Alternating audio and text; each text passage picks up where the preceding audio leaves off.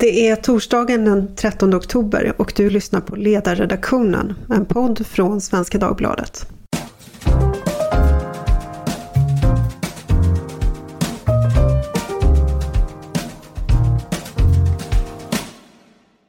Häromdagen när jag var ute och körde så fick jag stanna bilen. För där uppe på en kulle mot den skymmande natthimlen avtecknade sig en tall på ett sätt som för ett ögonblick fick landskapet att se ut som en tavla av Kristoffer Rådlund. Och ni vet den där speciella sällheten man fylls av när världen ser ut som en tavla som ser ut som världen i all oändlighet. Kristoffer Rådlund var en svenskfödd konstnär, huvudsakligen verksam i Oslo, som blev kontroversiell när han tog ställning för måleri i den klassicistiska tradition som han själv verkade i. I oktober kom nyheten om att Kristoffer Rådlund har gått bort, blott 52 år gammal. Och I det här skedet av podden så skulle jag vilja uppmana lyssnarna att googla rätt på några målningar av Kristoffer Rådlund om man inte känner till hans konstnärskap. Vilket de flesta kanske inte gör. Vi kommer att ägna dagens podd just åt Kristoffer Rådlunds måleri, åt debatten om klassicismens rätt att existera, men också om varför Kristoffer blev så populär inom den svenska högern. Min gäst idag har till och med beskrivit honom som något av den svenska nyhögerns hovmålare. Och min gäst det är Johan Lundberg, docent i litteraturvetenskap vid Stockholms universitet, känd som tidigare chefredaktör för Access, författare till boken Ljusets fiender, västvärldens självkritik och den svenska idédebatten från 2013 och dessutom författare till boken Figurationer tillsammans med just Kristoffer Rådlund. Välkommen hit Johan! Tack så mycket. Låt oss börja från början. Hur ska man beskriva Kristoffer Rådlunds måleri för oss som eh, kanske inte är eller jag kan ju bara prata för mig själv. Jag är absolut ingen konstvetare, men jag blir väldigt drabbad av hans målningar. Tycker att de är väldigt vackra. Hur, hur ska man förstå hans konstnärskap? Ja, jag tänker just det där du sa att man kunde googla fram en målning, så, eller hans målningar, så kan man ju titta på en, de repliker som han gjorde på eh, Böcklins kända målning Tåten Insel. Där Kristoffer tog bort de spår av vad ska jag säga, mänsklig verksamhet som finns på den ursprungliga målningen då. Och istället koncentrerar sig på den här, de här två klippformationerna som är liksom själva ska jag säga, tyngdpunkten i målningen. Och eh, jag menar, vad ser man när man tittar på den målningen. Man ser två klippbildningar rent fysiskt. Men samtidigt är det ju inte det som vi ser utan vad han lyckas skapa är ju att man förs in som betraktare i ett eh, kraftfält av, ja jag skulle säga död, skönhet, mystik. Och det är väl det som jag tycker präglar Kristoffer Odlunds konstnärskap i hög grad. Just det här att han ser det som konstens uppgift att förmedla en känsla av allvar. Eh, att få världen att framträda som sakral. Att lyfta fram en andlig dimension i en i övrigt ödslig tillvaro kanske. Och, och, och frammana den här ödsligt sakrala världen som väcker känslor hos betraktaren helt enkelt. Vädjar till kanske någon sorts existentiell längtan efter skönhet och mening. Jag tycker det är väldigt utmärkande för Kristoffer Ådlunds konstnärskap är ju någon sorts humanistiskt patos. Och patos i bemärkelsen högstämdhet, eh, kanske om man vill patetik, lidelse. Eh, så, alltså det, det finns en, en, väldigt stark existentiell dimension i hans konst som går på tvärs gentemot en betydande delar, skulle jag säga, av konstlivet generellt sett. Eh, just det här att han är, vägrar vara ironisk i relation till det. Han, han, värjer inte för det bombastiska. Och det var väl det kanske som gjorde att han sökte sig till den norska miljön också.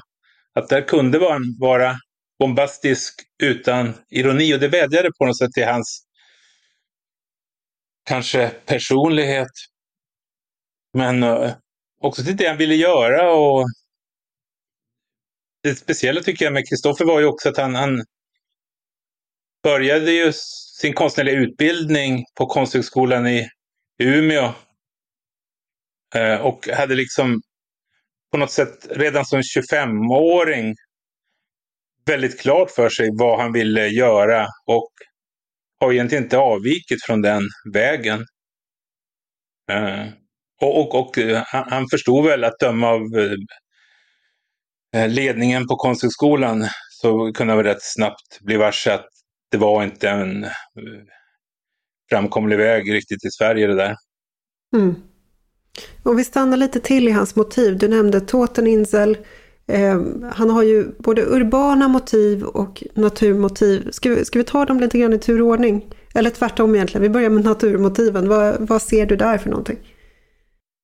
Han är ju liksom en landskapsmålare egentligen och, och till skillnad från mycket av den där konstnärsmiljön i Oslo, den är ju rätt uppbyggd kring porträttmåleri och kanske också efter, med tanke på Odd stora betydelse där, så har det också varit ett måleri som, som har, ska säga, i hög grad försökt väcka liv i de holländska mästarna, det italienska renässansmåleriet. Men Kristoffer är ju på, på det sättet en avvikare också. Där är det att han knyter an mycket mer till en vad ska vi säga, sen 1800-tals eh, tradition där med, med symbolistiskt måleri. Och man kan ju till exempel dra paralleller till eh, prins, prins Eugens landskapsmåleri till exempel. Eh, och naturligtvis till, till romantiken också. Till, han har gjort, har gjort flera repliker på Caspar David Friedrichs eh, kända målningar. Eh, vad heter den? Munk vid havet och eh, den här eh, målningen på isarna som eh, bryts upp. Mm. Eh, Ishavet heter den väl. Och eh, Hammershöj också. Eugen Jansson och så vidare. Och, och, och, i det här ligger väl, tycker jag, mycket just det som jag sa tidigare egentligen, att, att försöka mana fram en andlig dimension ur eh, landskapet. Life is made up of many gorgeous moments. Cherish them all, big and small, with Blue Nile. Whether it's for yourself or a loved one, Blue Nile's unrivaled selection of expertly crafted fine jewelry and statement pieces help make all your moments sparkle. Blue Nile's experts are on hand to guide you, and their diamond guarantee ensures you get the highest quality at the best price. Celebrate a life well lived in the most radiant way and save up to 30% at BlueNile.com. That's BlueNile.com. Och när vi pratar om de urbana motiven, det finns en, en målning av honom med Globen som liksom faller sönder. Eh, vad, vad, ser du där för någonting? Han målade ju flera sådana, eh, gjorde flera sådana målningar. Eh, operan i Oslo också. Men, men just den här andliga kraften, ska jag säga, alltså en, en bortomvärldslig kraft som ger sig till känna. Och när det gäller de moderna byggnaderna så skulle jag säga att så är väl hans, var väl hans tanke den att det finns ingen andlig kraft i, de här, i den här typen av, av uh, arkitektur. Men, men, men däremot så kan historien kommer att utöva en, en kraft och eh, de, de blir liksom intressanta ur ett framtidsperspektiv när de, som i det här fallet, då, eh, faller sönder i princip. Mm, ruinerna av Globen är någonting annat än, än andra ruiner som, som man har sett.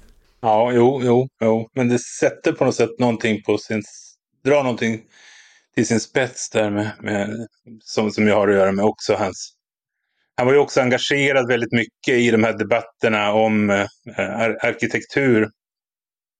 Och kom ut med en bo bok tillsammans med, eh, vad heter han nu, Alexander Ibsen, eh, sociolog. Som diskuterade just den eh, moderna arkitekturen. En sorts bok om arkitektur och varför modern arkitektur har blivit så stygg. Mm. Arkitekturens svarta bok.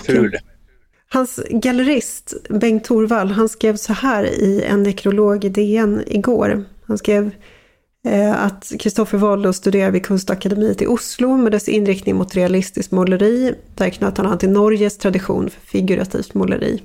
Likt sina inspiratörer tog han avstånd från modernismen och utvecklade istället ett konstnärskap med rötter i klassicistisk tradition. Hans bildvärld melankolisk och romantisk är skandinaviska landskap. Hav, himmel, moln, träd och skogsdungar och fjällmassiv. Ofta mot en monokromt blå bakgrund. Det här med att ta avstånd från modernismen, det, det ledde ju till viss debatt i, eh, i samband med en utställning som heter Figurationer på Edsviks konsthall 2009. Och det resulterade senare i en bok eh, som du skrev tillsammans med Kristoffer med samma namn, Figurationer som ledde till en, en debatt som idag är intressant att googla tillbaka på kan jag säga. Hur, hur skulle du beskriva den debatten?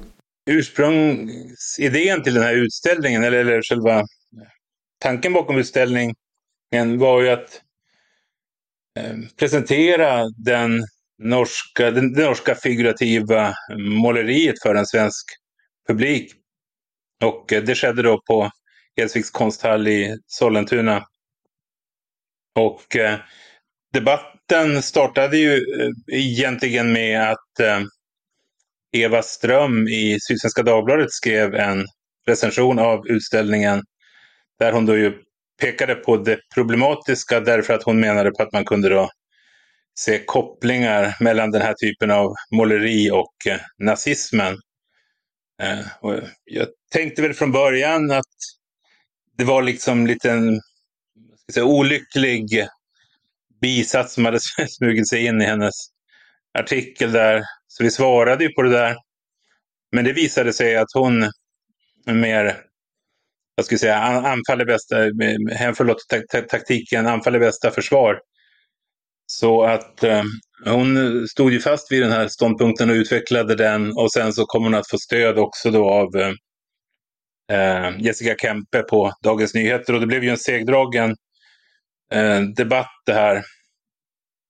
Eh, som ju gick ut på egentligen att eh, modernismen måste man se som en, vad ska jag säga, på grund av hur man inom nazismen förhöll sig till modernismen med eh, utställningar som Entartete konst till exempel.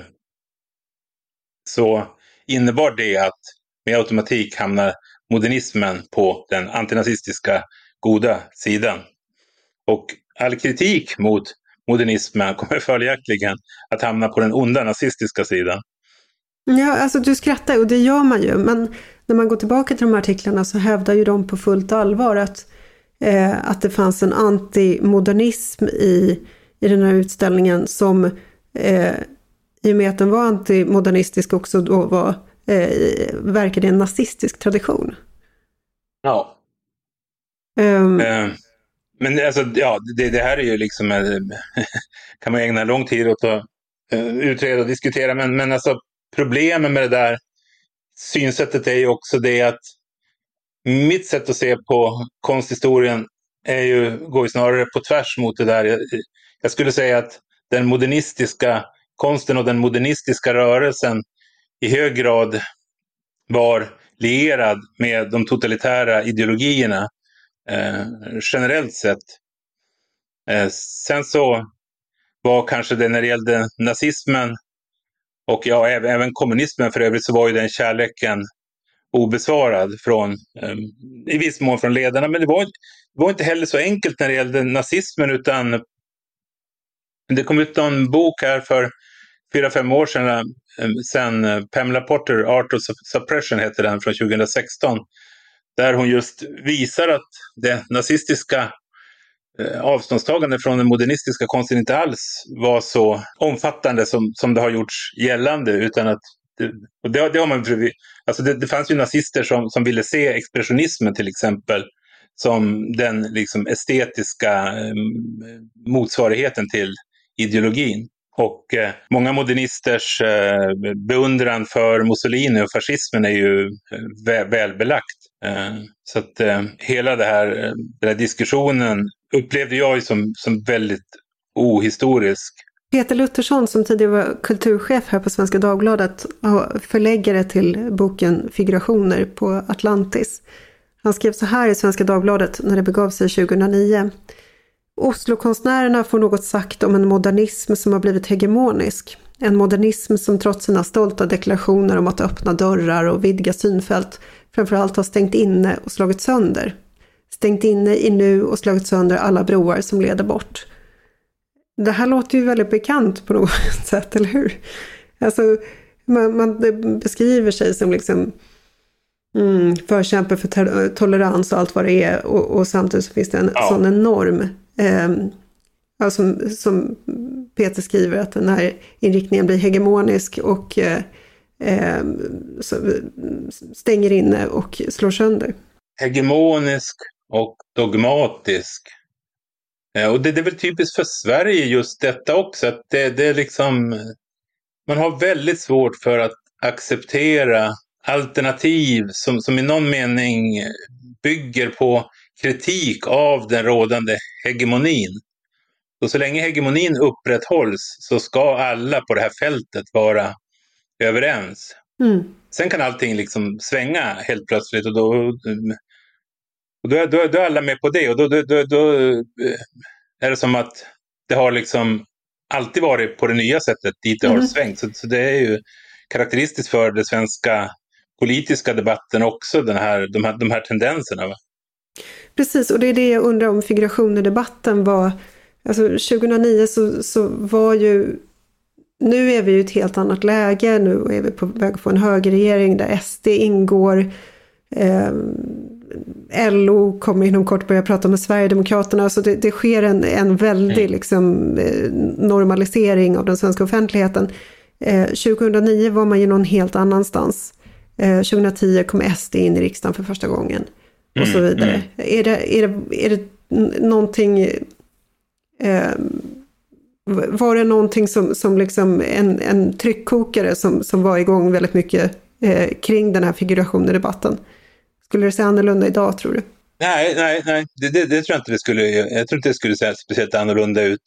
Å andra sidan kan man ju se när det gäller en sån här eh, när det gäller diskussionen om Vilks och det som Mårten Alsen diskuterar i sin bok om Vilks så, så har man ju på Moderna Museet uppenbarligen svängt då. Plötsligt så är det inte alls intressant med den här typen av konst som ska undersöka eh, gränser för vad man får uttrycka och inte få uttrycka.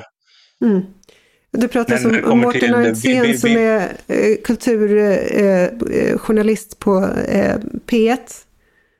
Mm. Och som eh, nu har precis har kommit ut med en bok om Lars Vilks och hur han lyckades provocera eh, konstetablissemanget eller kulturetablissemanget i Sverige snarare än någon annan. Ja. Och som, som, som också har gjort det på konstetablissemangets eh, villkor egentligen. Nämligen att det är det som konsten ska ägnas åt. Och undersöka, forska, eh, utmana gränser. Men uppenbarligen när det då gäller gränserna som sätts av konstvärlden själv.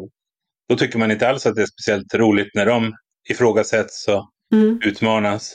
Det kan du tycka. Men det intressanta med, med, med för, för just säga någonting om, om Vilks där också, så, så tog han också del i debatten som fördes om just eh, figurationer och skrev mycket på sin blogg. Och, eh, jag diskuterade med honom och Kristoffer diskuterade med honom. och Kristoffer och Vilks liksom blev ju goda vänner även om de hade väldigt olika eh, konstuppfattningar. Jag skulle säga att eh, Vilks efterhand, i, som jag ser det, gav ju oss rätt också i och med att han själv började måla figurativt och uppfattade mm. ju uppenbarligen det som, som ett led i det här eh, undersökningen av vad man får göra och inte får göra inom ramen för konstetablissemanget. Jo, han hade ofta en liten eh, rondellhund också insprängd ja, i sina figurativa målningar. Så man visste liksom inte om på vilken nivå de var, var förbjudna. Eh, Nej, just det som jag pratade om att Kristoffer eh, var ju liksom icke-ironisk. Det, det, var en, mm. en, en, viktig aspekt i hans konstnärskap att bara bombastisk utan ironi. Och så, så långt följde ju inte Vilks på vägen i alla fall. Mm. Nej, det, det låg kanske inte riktigt för Vilks. Du, det skrivs en hel del i norska medier om Kristoffer Rådlund. Kan inte du berätta ungefär hur det, hur det låter i Norge? Kristoffer fick ju en, en stark ställning upplever jag också på konstscenen i Norge. Inte bara på grund av sitt måleri utan också att han, kom, han, han tog den här rollen att vara en samlande punkt också. Eh, och organisatör. Eh, han, hans måleri är, är ju alltså medvetet naivt. Det, det vädjar liksom inte till intellektet egentligen, utan mer till känslorna. Samtidigt var han ju en väldigt intellektuell person. Eh, som, som just eh, förde liksom resonemang i offentligheten om, om modernismen, modernistisk arkitektur, modernistisk måleri och sådär. Så, så, så, på det sättet så, så uppfattade jag det som att, som att han hade en stark ställning i Norge och, och det avspeglas väl också i, i reaktionerna på hans uh, död där. Att uh, mycket hyllningar och, och uh, skriverier. Och, Tror du att vi får se Kristoffer Rådlund på Nationalmuseum i Stockholm? Borde vi det?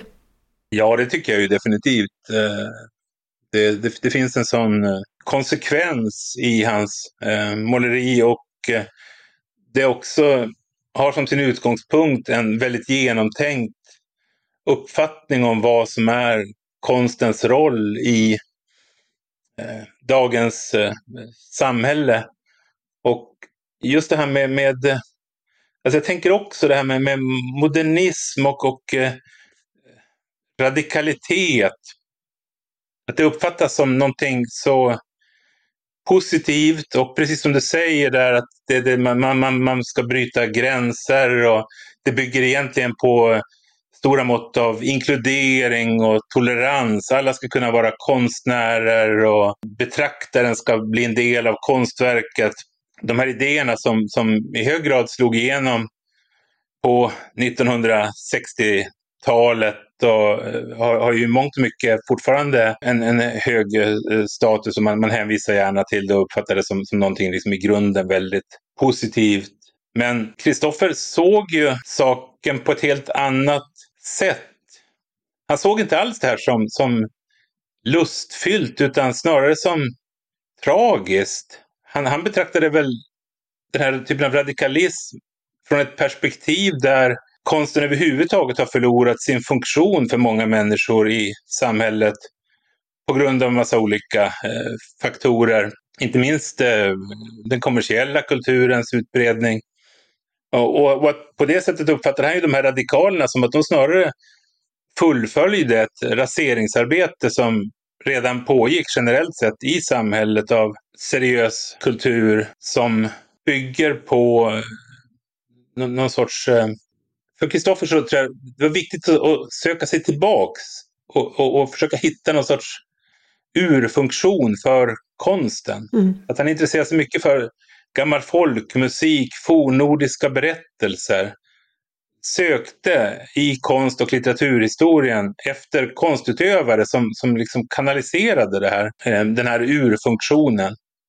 Som, som, som kanske ytterst sett kan beskrivas som en konst som, som hjälper människan att överleva, som, som får oss att se tillvaron med, med andra glasögon än de materialistiska, materiella. Mm. Och, och jag menar, den, den, den, den, konsekvens som, med vilken hans konstnärskap var uppbyggd runt de här idéerna och runt det här sökandet tycker jag innebär att, bo, borde innebära att han har sin liksom, plats i konsthistorien. Är det mer sannolikt att han får en sån uppburen plats i eh, Norge än i Sverige? Ja, det är det ju definitivt. I, i Sverige så, så, så har det ju, alltså just de här rådande idéerna som, som, som ju i och för sig finns i hela den västerländska, eller ja, det, det här är ju liksom internationella trender. Men de blir som så ofta så mycket mer dogmatiska i ett land som Sverige. Och nu handlar det ju väldigt mycket om sån här konst som forskning. Och fokuset ligger på eh, klimathotet, eh, urfolken. Eh, och, och det, det är liksom en, en, en, konstnärlig verksamhet som, som i hög grad utgår från idéer om det, det liksom västerländska samhället som eh, förtryckande. Eh, konsumtionssamhället, kapitalismen är roten till allt, allt ont och, och, och man är helt liksom upptagen av hur maktordningar, förtryckande strukturer har upprätthållits eh, i... Eh, man uppfattar liksom förtryck som det västerländska kulturens DNA. Mm. Kulturhistoriens DNA och det går ju liksom helt på tvärs mot Kristoffers eh, uppfattning om, om kultur och konsthistoria. Life is made up of many gorgeous moments. Cherish them all, big and small, with Blue Nile. Whether it's for yourself or a loved one, Blue Nile's unrivaled selection of expertly crafted fine jewelry and statement pieces help make all your moments sparkle. Blue Nile's experts are on hand to guide you, and their diamond guarantee ensures you get the highest quality at the best price. Celebrate a life well lived in the most radiant way and save up to 30% at BlueNile.com. That's BlueNile.com. Jag kommer att tänka på den här debatten som eh, pågick där, eller lite kort flammade upp om Roger Scruton, den brittiska filosofen som gick bort här om året och som bland väldigt mycket annat ägnade sig mycket åt just eh, konst och eh, arkitektur, att eh, diskutera eh, synen, vår samtida syn på, på skönhet. Eh, han har mm. gjort en dokumentär som jag tror heter Why Beauty Matters, eller om det är Just det. Eh, boken som heter så. Blir man hjälpt av att läsa Roger Scruton när man funderar på eh, de här frågorna? Ja, det tycker jag definitivt. Eh, därför att han har ju i grunden samma synsätt som, jag, just det som jag sa där om, om den här radikalismen som, som uppfattas som någonting som är så positivt och bara leder till ökad tolerans. Och man ser liksom inte det dogmatiska i den här typen av tänkande. Och man ser inte heller det i grunden eh, destruktiva och, och, det, och det behov som, som finns av att inta en annan position än den position som innebär att man, man, man ska liksom häckla, driva, ifrågasätta, eh, bryta ner, bryta sönder. Att ett återvändande och ett, ett, ett sökande efter en konst som har en, en existentiell funktion för människorna. Och att det är det som är egentligen konstens själva ursprunget till att det överhuvudtaget produceras konst, skulle jag säga, har ju liksom en... Grund, grunden är existentiell i någon bemärkelse det var väl viktigt för Kristoffer just det här med, alltså, man ska säga att han intog i någon mening, om, om man ska teoretisera, ett synkront snarare än ett diakront perspektiv på konsthistorien. Att han sökte liksom sig tillbaks på jakt efter konst som han upplevde hade en betydelse för honom. Och det spelar liksom ingen roll om den, när den är producerad. Eh, och att han vänder sig mot just de här idéerna om, om att det finns någon sorts alltså, säga, evolutionär syn på konsten överhuvudtaget. Att det går från någonting och så utvecklas det åt ett visst håll. Och sen så förändras samhället och sen så utvecklas konsten åt ett annat håll. Att, att det finns någon korrelation mellan hur samhället utvecklas och att, att det finns liksom ett genuint estetiskt uttryck för varje tidsålder. Och att ifrågasätta det innebär att man liksom inte har förstått sig på konsthistorien, eller litteraturhistorien för den delen. Som, som till exempel, varför uppfattas det som om, om, om, om man inom arkitekturen till exempel skapar byggnader i en eh, klassicistisk eh, stil. Så då uppfattas det som prestiger. Man är från arkitektetablissemanget eh, väldigt nedlåtande. Man, man ska liksom inte... Det, det, det där är, är liksom ett, ett, sätt att bygga på som är otidsenligt. Men att bygga i enlighet med Le Corbusiers idéer modernistiska idéer. Det uppfattas inte som otidsenligt, men det är ju, det är ju lika otidsenligt det. 20-talsklassicismen existerade på 1920-talet. Le Corbusiers eh, modernistiska arkitektur existerade också på 1920-talet. Varför skulle det ena uppfattas som mer i fas med nutiden än det andra? Le Corbusier är ju intressant också för övrigt därför att han ju uttryckte sin beundran för just Adolf Hitler och erbjöd Vichy-regimen sina tjänster i Frankrike. Så då, så då är plötsligt inte det här, de här nazist, nazistkopplingarna det minsta intressanta. Men det här med politiken kring olika estetiska uttryck. Du, du uttryckte det lite skämtsamt att Kristoffer Rådlund var den svenska nyhögerns hovkonstnär. Men det är ju väldigt lustigt tycker jag. Jag såg att Ivar Arpi twittrade om att Kristoffer Rådlund betydde mycket för honom. Ivar Arpi har ju tidigare varit medarbetare här. Likadant Per Gudmundsson sist när jag var på, eh, på vernissage hos eh, Kristoffer eh, när han ställde ut sina målningar så stod jag tillsammans med Per Gudmundsson och, och pratade om hans tavlor. Vi pratade om hur mycket de, ja, hur, liksom, hur starkt de påverkade oss. Vad är det med, med högen och den här typen av, eh, av måleri? ja, det får väl var och en svara på egentligen. Men, eh, men det kanske handlar om också att man ser det som ett välkommet eh, alternativ till just de här tendenserna som jag var inne på när det gäller hur man eh, generellt sett i konstvärlden ser på konst och, och vilka föreställningar som är de eh, dominerande. Att det just i väldigt hög grad handlar om att man intar ett... Eh, det rådande konsensus innebär att man uppfattar det västerländska samhället som, som i grunden eh, förtryckande. Man uppfattar konsten som eh, reproducerande, som reproduktiv. Som, som, det, det, via konsten som de här förfärliga förtryckande föreställningarna har reproducerats genom århundraden egentligen. Och eh, det är väl en, ett, ett, ett synsätt som man generellt sett då vänder sig mot som borgerlig opinionsbildare eller som, ja. Och då ser man positivt på, på alternativ till den här, det rådande konsensuset som råder i konstvärlden och i, det, i kulturvärlden överhuvudtaget tror jag. Har du själv något favoritmotiv hos Kristoffer? Ja, men, ja, men jag gillar ju den här uh, repliken på Dödens ö till exempel. Jag är väldigt, väldigt förtjust i den. Och sen, sen ska man komma ihåg också att han gjorde sådana här eh, målningar på basis av eh, ett antal eh, science fiction-filmer. Eh, Alien, Blade Runner, Star Wars, som jag tycker är eh, väldigt liksom, eh, suggestiva och, och intressanta. De avvek lite grann från hans konstnärskap. Han följde ju med den, de norska NATO-trupperna till Afghanistan 20... 2012, tror jag det var. Som någon sorts eh, rapportör i bildform helt enkelt. De målade ju flera målningar eh, därifrån, där på plats. Och de avviker ju lite grann från eh, färgsättningen i hans måleri i övrigt som jag har mycket, går mycket åt det här blåsvarta. Vart ska man gå eller vart ska man söka sig för att se hans konst? Om man inte bara vill googla. Det, det vågar jag faktiskt inte svara på om det är någon utställning på gång nu eh, i Norge. Det, det vet jag faktiskt inte. Mm, det återstår att se.